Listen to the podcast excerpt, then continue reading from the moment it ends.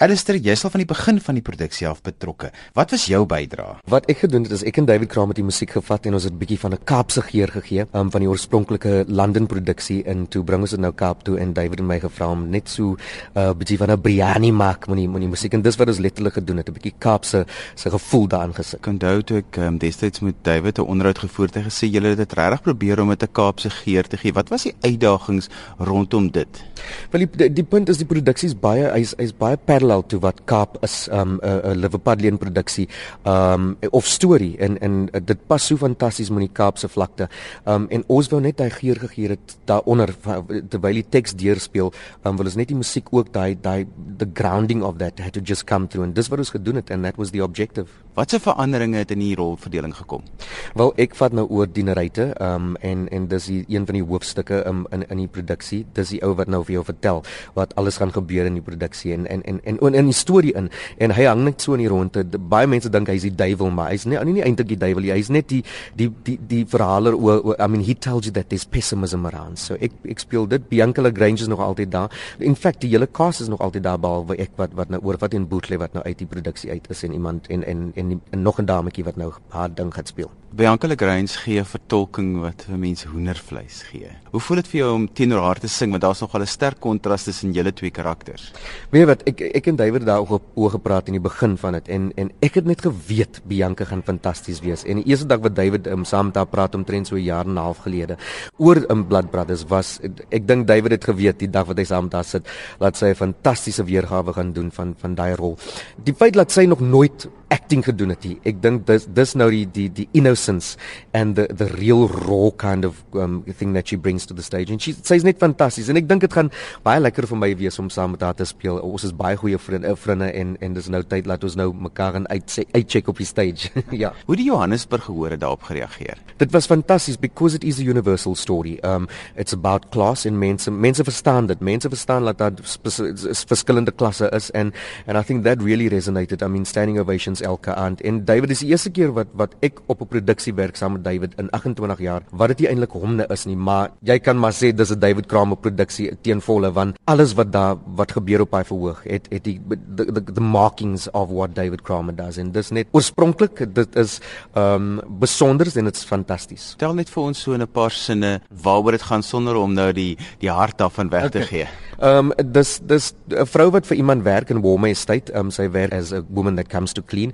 En sy sy val swanger en en sy het te veel kinders en sy moet een weggee en die vrou kan nie kinders baar nie en en sy gee toe een vir haar. En dit gaan oor die kinders se lewe en hulle hulle speel saam met mekaar wanneer so naby mekaar en hulle moet dan then apartheid arrives and they get disjointed and all that. And at the end of it we know what what what normally happens to those things. Things get found out and it pulls at your heartstrings but it's a class story about someone who has money and someone who doesn't and een wat wat hulle kind moet weggee. Ek weet jy was ook direk by die musiek se verwerking betrokke. Mense kom terug en terug vir die musiek. Dis die siel, dis die siel wat die wat die kunstenaars daar insit. Dis die violinist wat gespeel het, dis die saxophone speler. Dit because almal wat hier opgewerk het, verstaan die manier hoe David werk. Verstaan hoe ek werk, verstaan wat ons 'n gehoor wil wil laat voel as hulle wegloop and I think that really penetrates as usual with these productions uh, wat ons doen. Dit is baie ironies as die stuk nou juis in die Fieldguard afspeel want dit uh, het direkte lyne met um, District 6. Vertel vir ons hoe dit vir julle voel uh, as 'n as 'n span want ek weet Kate and the Kings het ook daar huis toe gekom. So dit voel vir my of die stuk ook nou weer huis toe kom.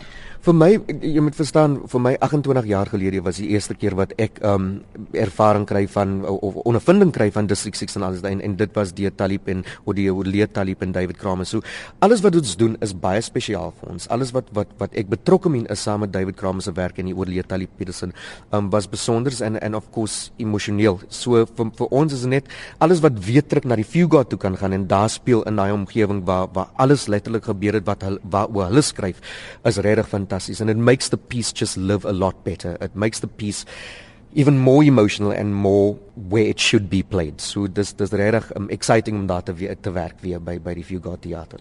Daar was iets wat David altyd vir ons gesê het as kinders. Um hy het altyd gesê dat almal wat almal het 'n storie. Almal het 'n storie en dit is tyd dat die Kaapse mense eintlik hulle stories vertel because it's, it's it's very few few and far between that that people get to hear die Kaapse stories. En ek dink is baie belangrik want want when we look at our our history it's not going to be there. En ek dink dis die een ding wat wat if you got nou gedoen het embracing not David Kramer's work only. Daar's allerlei produksies wat daar kom en alle um, alle alle uh, directors en en en producers wat inkom en hulle doen Kaapse stories. En I think dis wat die Kaap wou gehê het is laat hierdie plek in die middel van District 6 moet nou daai stories kom vertel vir ons. Hoe sit om saam met David Kramer te werk want jy het basies vir hom groot geword? Absoluut. Dis nou soos ek sê 28 jaar wat ek saam met David werk en alles nou nog as ek iets wil doen of iets wil uitvind van van die bedryf of David Kramer is my eerste plek om te gaan en en sê Mr Kramat I need to know this that en ons sit vir ure, ons sit vir ure en elke keer as ons praat is dit 'n les. Dis 'n les and it's it's magical to get all this magical history and and really in-depth thoughts and his personal ideas and why and there's always a reason. He never just tells you umreda is David Kramer, but there's a reason, a, a really deep-thoughted reason. And I'm I'm very privileged to have have um the the the relationship that I do have with him. Um en ook laat laat ek net in sy lewe is en hy in myne.